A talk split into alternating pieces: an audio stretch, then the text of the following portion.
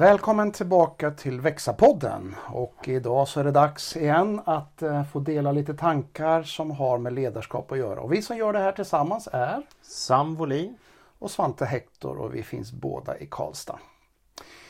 I Växa-podden så eh, återkommer vi ju på lite olika sätt till eh, ledarskap och just nu är vi, vi mitt inne i en serie som handlar om mästarligt ledarskap och vi tar spjärn ifrån Hans Janssons bok som heter just Mästarligt ledarskap. Eh, och idag så har vi kommit till, till ett spännande avsnitt som handlar om ödmjukhet och förlåtelse. Mm. Och det ska vi gräva i lite grann. Förra gången så pratade vi om, om att ta ut riktningen i Guds närhet. Mm. Och de här två sakerna, ödmjukhet och förlåtelse, det är ju någonting som inte är så lätt men som man kan få hjälp i också i Guds närhet på något mm. sätt. Mm. Absolut. Mm.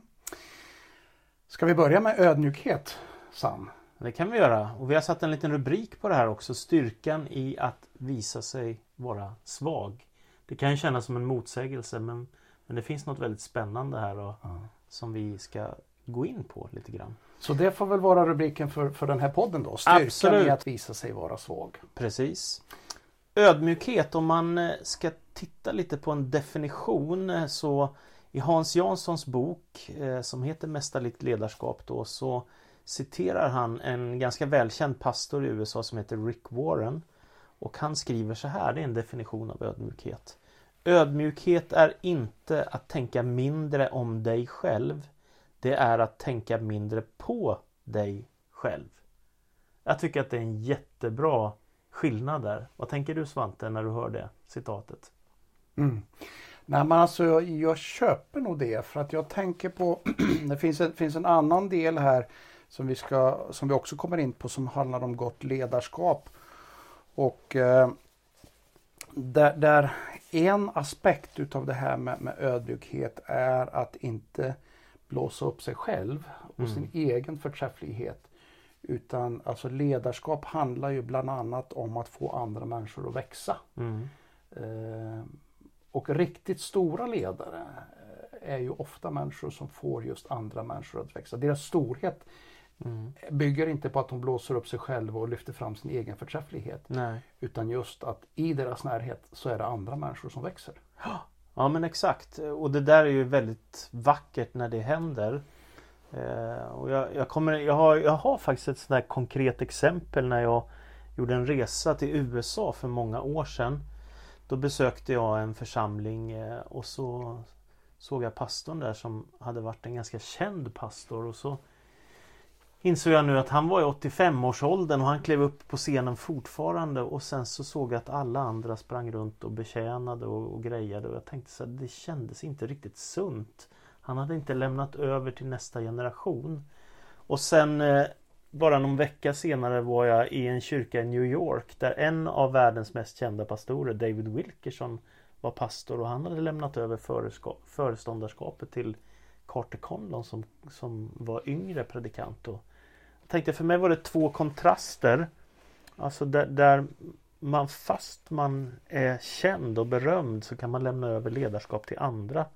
Och den andra behöll fast greppet mm. liksom. Så att, det här är lurigt. Det är ett väldigt lurigt område. Jag tänker det är, det är ganska lätt att gå vilse här att, eh, att man missar ödmjukheten och, och tänker att det är stort att lyfta sig själv. Men egentligen blir ju det mer tragiskt. Mm. Men samtidigt Svante, ödmjukhet det kan ju inte vara samma sak som dåligt självförtroende.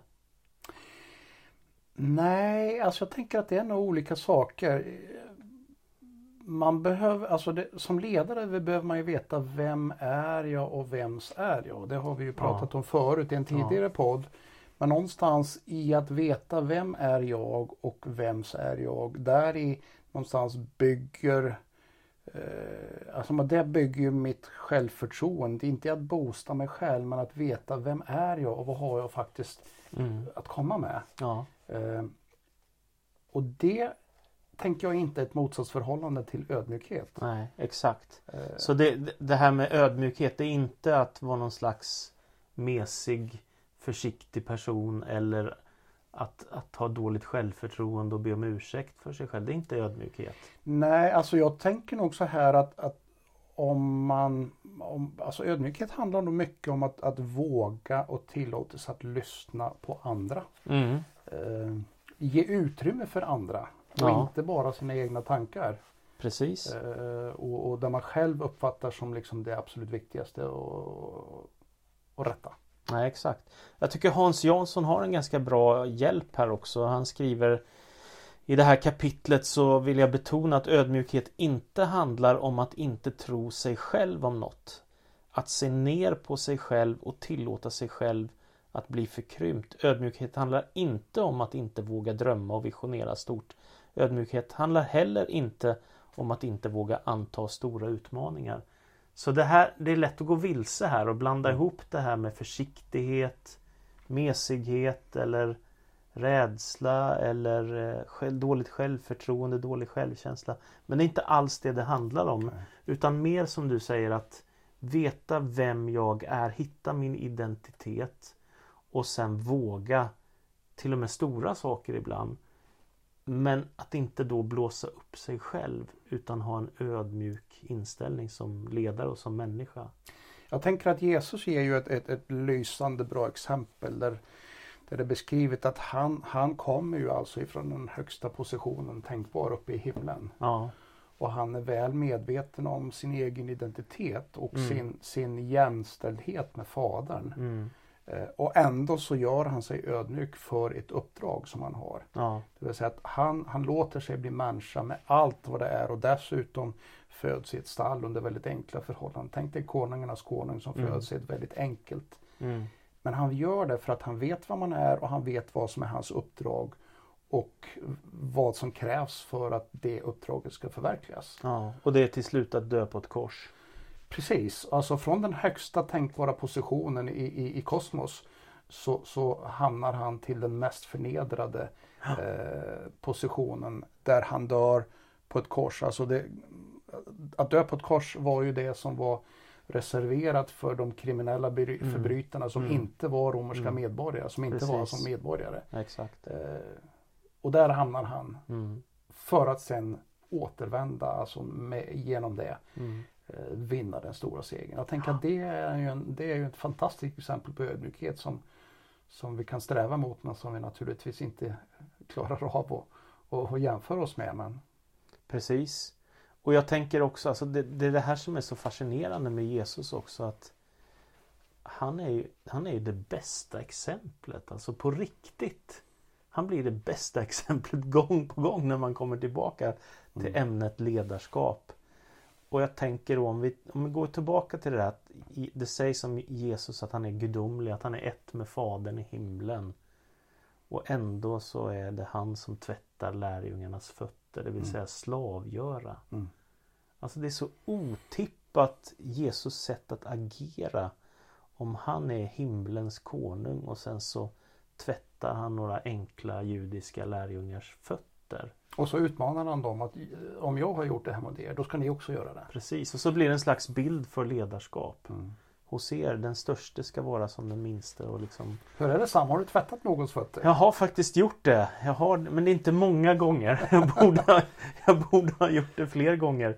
Och du har också gjort det, eller hur? Ja, men jag har ju det. Alltså, jag, har ett, jag har ett väldigt eh, spännande minne ifrån en gång när jag var i Ryssland tillsammans med en IBRA-kollega. Ja. Och eh, vi var där och undervisade en kurs och så råkade det sammanfalla med just den ryska posten, påsken. ja. Den ryska påsken som är lite eh, förskjuten mot ortodoxa kyrkans påsk.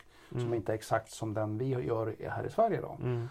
Och eh, så var vi med i en gudstjänst på skärtorsdagen Mm. och hade Getsemane stund. Och hela den nattvardsfirandet och alltihopa inleddes just med att, att vi tvättade varandras fötter. Mm. Och det var, det, var en speci- alltså det var första gången jag gjorde det i en sån kontext. Ja. Eh, och det var speciellt. Mm. Men det är klart att det var starkt.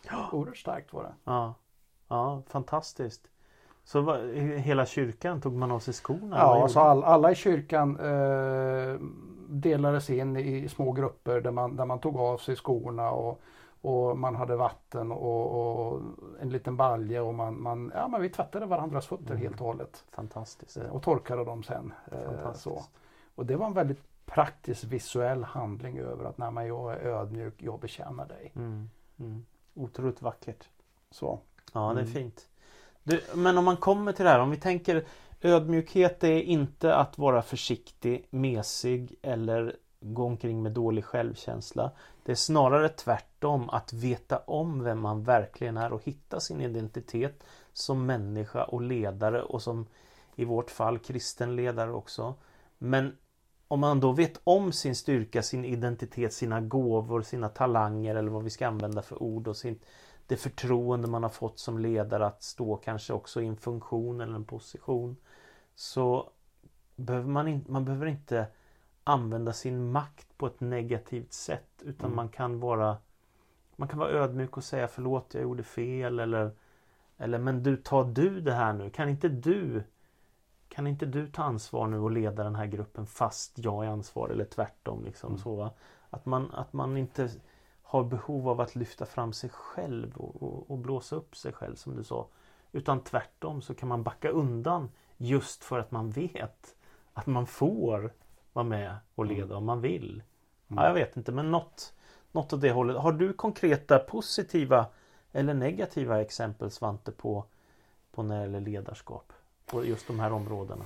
Ja men absolut. Alltså jag har ju både upplevt människor som är, är, är alltså verkligen fungerar eh, med den positiva.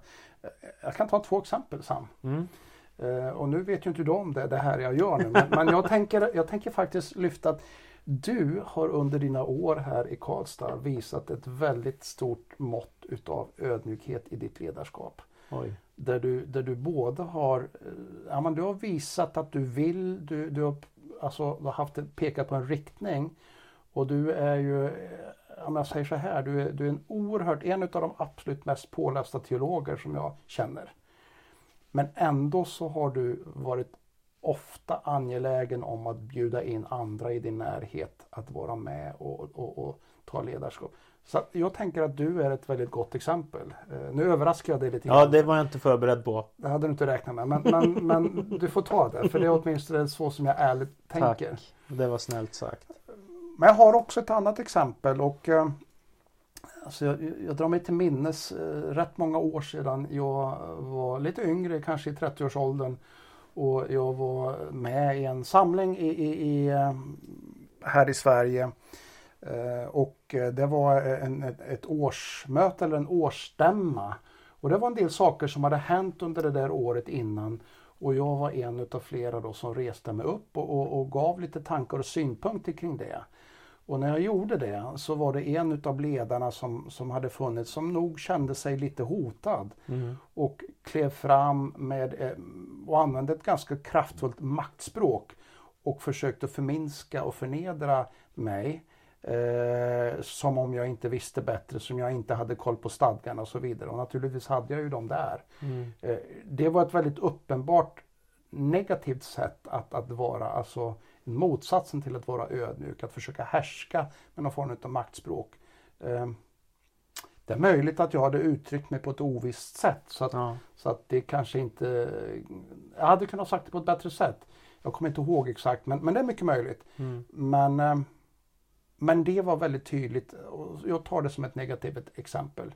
Han tryckte till lite. Så. Ja, han försökte trycka till och jag är glad för att jag hade kunnat trycka tillbaka men jag valde att inte göra det. Mm. Eh, Också ett exempel på ödmjukhet då. Ja, alltså jag vill inte ta, ta för stor ära utav det men jag är tacksam idag av att jag inte tryckte tillbaka. Mm. Då kanske jag hade i min, o, min ungdomliga ovisshet på ett sätt hade, hade liksom Du hade velat, lust. Du hade lust. velat vara snabbtänkt och slå tillbaka snabbt där. Men jag är glad att jag inte gjorde det. Ja, det var bra. Mm. Min fru brukar säga till mig att jag har lärt henne någonting. Det är fint att jag har gjort det. Hon är ju grek och, och har oerhört livligt och rikt känsloliv. Och hon har sagt att jag lärde henne något nytt när jag sa att man måste välja sina strider. Just det. Det ingick inte i den grekiska kulturen. Det är lite roligt. Mm. Men till slut här innan vi byter och går vidare till förlåtelse. Makten har två sidor kan man ju säga. För att om det ena är då att man kan få inflytande som ledare när man får en funktion eller en position eller både och. Eh, så behöver man inte hålla på och lyfta fram sig själv och, och försöka förstora sig själv. Det blir ju till sist väldigt tragiskt om man ägnar mycket tid åt det. Sen har vi alla behov av bekräftelse och kärlek och omsorg och att, och att det vi gör betyder något. Men, men samtidigt blir det lite tragiskt om man ägnar för mycket tid åt sig själv. Men den andra sidan av det, det är ju att som jag, jag om jag tänker tillbaka, jag har varit pastor i 26 år. Några få gånger, kanske fem gånger eller något sånt där under de här 26 åren så har jag hamnat i sammanhang där jag känner nu missbrukar folk sin makt. Mm. Jag kan inte vara tyst. Det går inte. Jag måste. jag måste agera. Alltså vad kan du säga om det Svante? För det, det tänker jag är ju Det är ju inte ödmjukhet att vara tyst när orättvisor eller orättfärdighet eller väldigt felaktiga ledarskapsbeslut eller felaktigt. Alltså hur gör man? Hur tänker du om det? Alltså det som kommer i min tanke när du lyfter fram det här eh, det är ju ett uttryck som, som finns några ställen i Bibeln eh, tror jag som, och man brukar prata om helig vrede. Ja. Alltså det är någonting som gör uppror emot det man hör eller ser. Det, det här, kan, ja, men det här kan jag inte vara tyst om. Nej. Och jag tänker att ett sånt väldigt konkret exempel i vår samtid är ju Dennis Mukwege då. Ja. Som, som har lite grund utav den där heliga vreden. Och han kan inte vara tyst. Alltså han är en oligt ödmjuk man som jag uppfattar honom. Ja.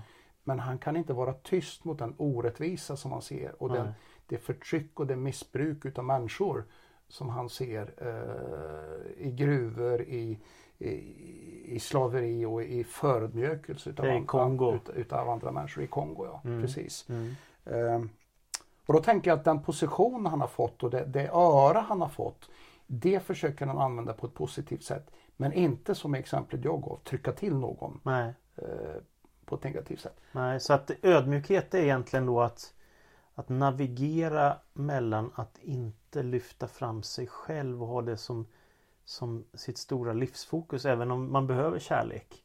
Utan det kan också, och det kan också vara eh, då att, att släppa fram andra som vi har sagt. Eller att faktiskt också att ledarskapet förenat med ödmjukhet också kräver att man säger ifrån. Det gjorde ju Jesus också. Jag menar Jesus tvättar fötter men han kan ju också vara oerhört tuff mot fariseerna och ändå uppfattar vi Jesus som ödmjuk. Mm. Så det gäller att hålla ihop de här Det är ett litet trick på Mm. något sätt. Inte helt enkelt, men jag tänker där vi började här lite grann. Kanske är det just i, i den heliges när, närhet, där man liksom Mm. kan hitta den här fina balansgången. Ja, Och att just vara ödmjuk men ändå kliva fram i den rollen som man har fått. precis. Så det betyder inte att backa undan utan mer som du säger släppa fram andra veta sin egen identitet och ändå kunna vara en människa där andra kan få växa i ens närhet Mm. istället för att behålla alla positioner så mycket man kan själv. Mm. Mm, vad bra. Om, om det då blir fel, för det blir det ju ibland, både att man själv gör fel jag tänker ibland så sårar vi andra människor. Det, jag gissar att det vanligaste är någon i vår egen familj. Att de som man är allra närmast de är väldigt, väldigt mycket. Att, att det, man säger något i onödan eller man, man, man sårar. Men ibland kan ju det också vara i arbetssammanhang eller bland vänner och eh, i olika styrelser och allt möjligt. Som ledare. Som ledare också ja. Mm. Att bli sårad eller att såra. Hur ska man tänka när de där grejerna händer då? För om, vi kom, om vi går vidare från ödmjukhet till förlåtelse. Hur ska man Hur tänker man om man blir sårad? Vad händer med en då Svante?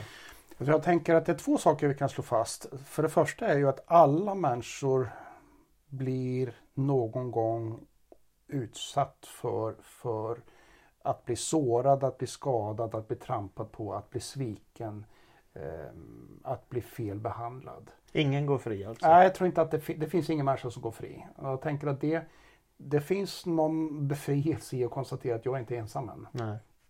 Så om, om, om någon lyssnare sitter här och känner sig, ja men det är jag själv som blir drabbad. Ja, Ja. men du är inte ensam än.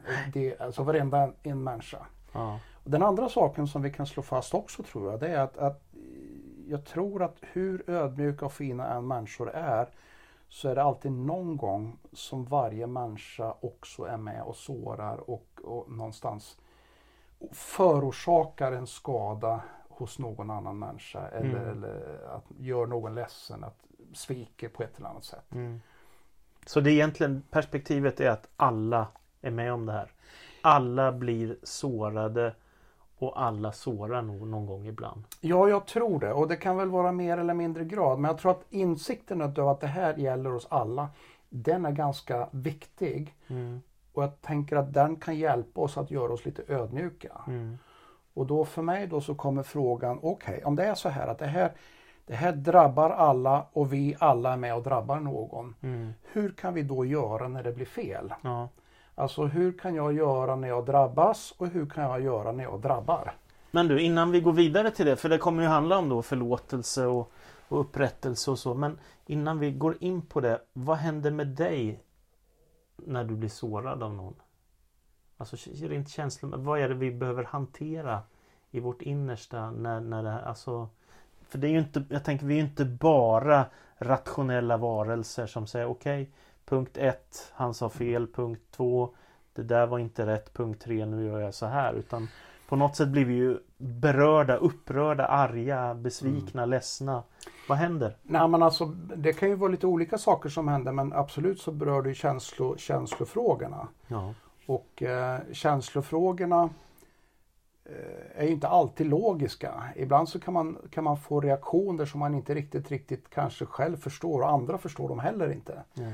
Eh, och någonstans så tänker jag att man ska tillåta sig att känna. Mm. Eh, för ett tag, ungefär som man kan behöva tillåta sig att sörja. Men man får inte fastna där. Nej. För att om man fastnar i den här, den här offerrollen Mm. av att jag är drabbad, jag är tilltufsad, jag är tilltryckt och är kvar där. Ja, men då riskerar jag att bli bitter. Mm. Och den som skadar sig mest själv då, det är ju jag själv då. Eh, som blir lidande. Så att jag tänker så här att det är okej okay att tillåta sig att känna att Nej, men det här var inte roligt, det här var jobbigt. Ja. Och jag känner mig kanske kränkt eller jag känner mig tilltufsad, tilltryckt. Mm. Eh, men jag tänker att en viktig sak som jag, jag har rätt nyligen läst en bok med, med bland annat ärkebiskopen Desmond Tutu då i Sydafrika. Mm. Och han säger som så här att när han förhåller sig till andra människor som beter sig konstigt så försöker han återkomma till att ah, men det finns någon orsak till att den personen betedde sig som den gjorde nu. Kanske hade den en dålig dag. Kanske hade han eller hon inte sovit bra. Eller kanske han hade varit med om någonting. Och nu råkade jag drabbas av det. Mm. Men att tänka så gör det lite lättare att sen också då förlåta. Mm. Det är bra att försöka Finns det något eh, indianskt ordspråk där att gå i andras mockasiner? Att tänka sig in lite i varför gör den här människan på det här sättet och, och vad är det som gör, vad ligger bakom, vad är det för motiv eller vad är det för Mm. känsla som gör att det blir så här? Ja men det är väldigt intressant. Så jag tror man ska ha med sig det att vi kanske inte är helt logiska om vi blir sårade Mm. eller om vi sårar och jag tror ändå att oftast går det att se när det händer både, Mm. både när man blir drabbad och när man drabbar andra så, Mm. så märker man det. Alltså man kan ju säga så här då att det, eh, det pågår alltid två stycken eh, kamper i hjärnan. Mm. Alltså rent, rent eh, så som forskarna beskriver det hela. Då det, Mm. Å ena sidan sett, är jag trygg nu? Mm. Eller finns det något hot som jag gör att jag måste, måste skydda mig? Ja. De två sakerna skannar hjärnan hela tiden av. Mm. Och känner man sig trygg, ja, men då är den logiska funktionen i hjärnan som har predominans, alltså som, som, Okej. som fungerar allra starkast. Mm. Men om jag känner mig hotad, då är det en känslomässig instinkt som kliver in istället. Okej. Och då kan vi göra liksom saker och reagera på saker och ting utan att tänka riktigt logiskt. Och det här är slags, någon slags forskning alltså? Ja, det här bygger på forskning, hur, hur, hur, hur människan som regel fungerar. Mm. Men det är inte så, alltså när man, man, när man blir sårad eller man, man blir illa behandlad, Mm. då finns det risk att man kommer in i det där upplevelsen, nu är jag hotad. Ja. Och då är det den känslomässiga, ofta irrationella tänkandet som kickar in. Ja. Och det är väl okej för en stund, men man behöver komma ner tillbaka då till Mm. att den här logiska sidan kan liksom ta över igen så att man det. inte fastnar där. Just det. Ja, men det är bra. Det är väldigt bra. Och, och det är ju inte heller någon motsägelse till att ibland måste människor få en tillrättavisning Mm. eller se, man måste markera eller säga ifrån. Att man också kan förlåta när det blir fel. Det behöver inte vara någon motsättning där Mm. utan det kan hänga ihop. Du Sam, ja. det, det, finns ju, en, finns ju en, en, en, en, en utmaning med förlåtelse. Jag vet inte om du har mött någon människa så, men jag har ju mött människor som, som på något vis får en låsning och låser fast sig. Nej, men jag kan inte förlåta för det den gjorde, det var ju fel. Mm. Jag kan ju liksom inte stryka ett streck över det som var fel. Nej. Hur tänker du kring det? Har du mött någon sån? Ja, absolut. Flera gånger i samtal med människor så har jag mött det där att eh, men om, jag, om jag, Typ de här orden Om jag förlåter Så är det som att jag godkänner det som hände eller att jag tycker att det är okej okay, det som hände. Det har jag hört många gånger faktiskt människor säga. Eh, och ibland så, så, när man rör vid sådana här frågor när någon har blivit sårad eller tycker att någon har handlat fel så, så, blir det ganska snabbt ganska bittra toner som du var inne på förut som ju känns oerhört destruktiva därför att då låser man ju fast sig själv i oförlåtelse och man blir själv kvar i något väldigt destruktivt. Eh, men sen har jag faktiskt själv också varit med om, inte så många gånger, men några få gånger har jag varit med om att människor har, tycker jag, betett sig illa mot mig. Eh, och då inser jag att förlåtelse är inte så enkelt därför att det är både ett rationellt beslut och så är det känslor också som berörs. Mm. Alltså jag, jag har varit med om några gånger jag tycker att någon människa verkligen gjorde helt fel mot mig. Och, och, och då tänker jag att, att liksom känslorna har lite svårt att hänga med. Även om jag rent rationellt kan förlåta och gå vidare så är det också ett slags en slags känsla som, som eller som man ibland kan känna också att han eller hon borde komma och be mig om förlåtelse mm. istället för att jag ska försöka förlåta den som gjorde fel mot mig. Men då tänker jag samtidigt på de här orden från Jesus som han säger Fader förlåt dem för de vet inte vad de gör mm. när han hänger på korset. Mm. Så säger han det till de som har spikat fast honom. Och där Jesus är igen det bästa exemplet mm. av alla. Det är så oerhört. Liksom, han som kommer från himlen han säger förlåt dem, de vet inte vad de gör. Så jag, jag, det, det sista jag säger innan vi går vidare här, för vi ska ju säga något om förlåtelse och försoning och förtroende till slut. Det är ju att känslomässig förlåtelse kanske inte går lika fort som mm. tankemässig rationell förlåtelse. Och det kanske den inte måste göra heller. Nej. Alltså jag tänker nog att man kan behöva ha ett helande. Just det. Och ett helande, alltså läkande, en läkande process går ju sällan bara så här och nu på en gång. Precis. Men, men min erfarenhet är ju att läkande processen beror rätt mycket på viljebeslutet, alltså det ja. logiska viljebeslutet. Jag bestämmer mig för att jag ska förlåta. Ja. Och så kanske det tar ett tag innan det känslomässigt landar i att nej, men nu är jag fri. Ja. Men någonstans så, så, är ju förlåtelsen handlar ju om att sätta fri. Jag, har ju, alltså jag, jag tänker att, att, att, att förlåta någon är inte att, att att säga att det var okej, okay, men det mm. är att frikänna någon som har gjort ett fel. Ja. Det vill säga att ja, det var fel det du gjorde. Mm. Men, men jag frikänner, alltså jag, jag stryker ett streck över skulden. Ja. Och det som händer då det är ju dels att jag kanske hjälper någon annan att bli fri. Mm. Men jag hjälper nog mig själv ännu mer. Mm. Att själv bli fri och inte fångas utav bitterheten. Jag har en egen erfarenhet av det där jag, där jag i, min, i, i min ungdom, kanske 18-20 års ålder någonstans, blev rejält tilltryckt av en person som av många uppfattades som en, en cool, uh, viktig ledare. Mm. Uh, och uh, Sen tog det många år innan jag insåg vad det där hade gjort med mig. Men när jag väl hade insett det och på vilket sätt jag hade påverkats i någon mån positivt men också en hel del negativt då hade jag behov av att, av att faktiskt förlåta den personen. Mm. Men jag valde då att inte gå tillbaka till personen för den var förmodligen omedveten om vad, vad, vad den hade gjort. Och jag valde då och har gjort, håll fast vid det valet, ja, men jag förlåter den personen. Mm. Eh, utan att gå tillbaka. Men no. för mig var det väldigt viktigt och det, ja. det satte mig fri. Okay. Eh, både för mig själv men också gentemot den personen. Att Just inte det. hålla den hålla dig emot den personen. Och det är också intressant. Så man måste, för att förlåta en annan människa, man måste inte gå hem till någon och dricka en kopp kaffe och sitta och göra upp. Utan ibland kan det vara en attitydförändring bara. Mm. att Jag sätter den människan fri och det du säger då det är om jag sätter den människan fri genom att förlåta så kan jag också bli fri själv. Mm. För jag släpper en sak som var en Mm. börda för mig på något Mm. sätt. Men innan vi avslutar här nu då. Jag tänker också så här med förlåtelse. Jag tänker så här när man börjar predika som jag gjorde för 30 år sedan.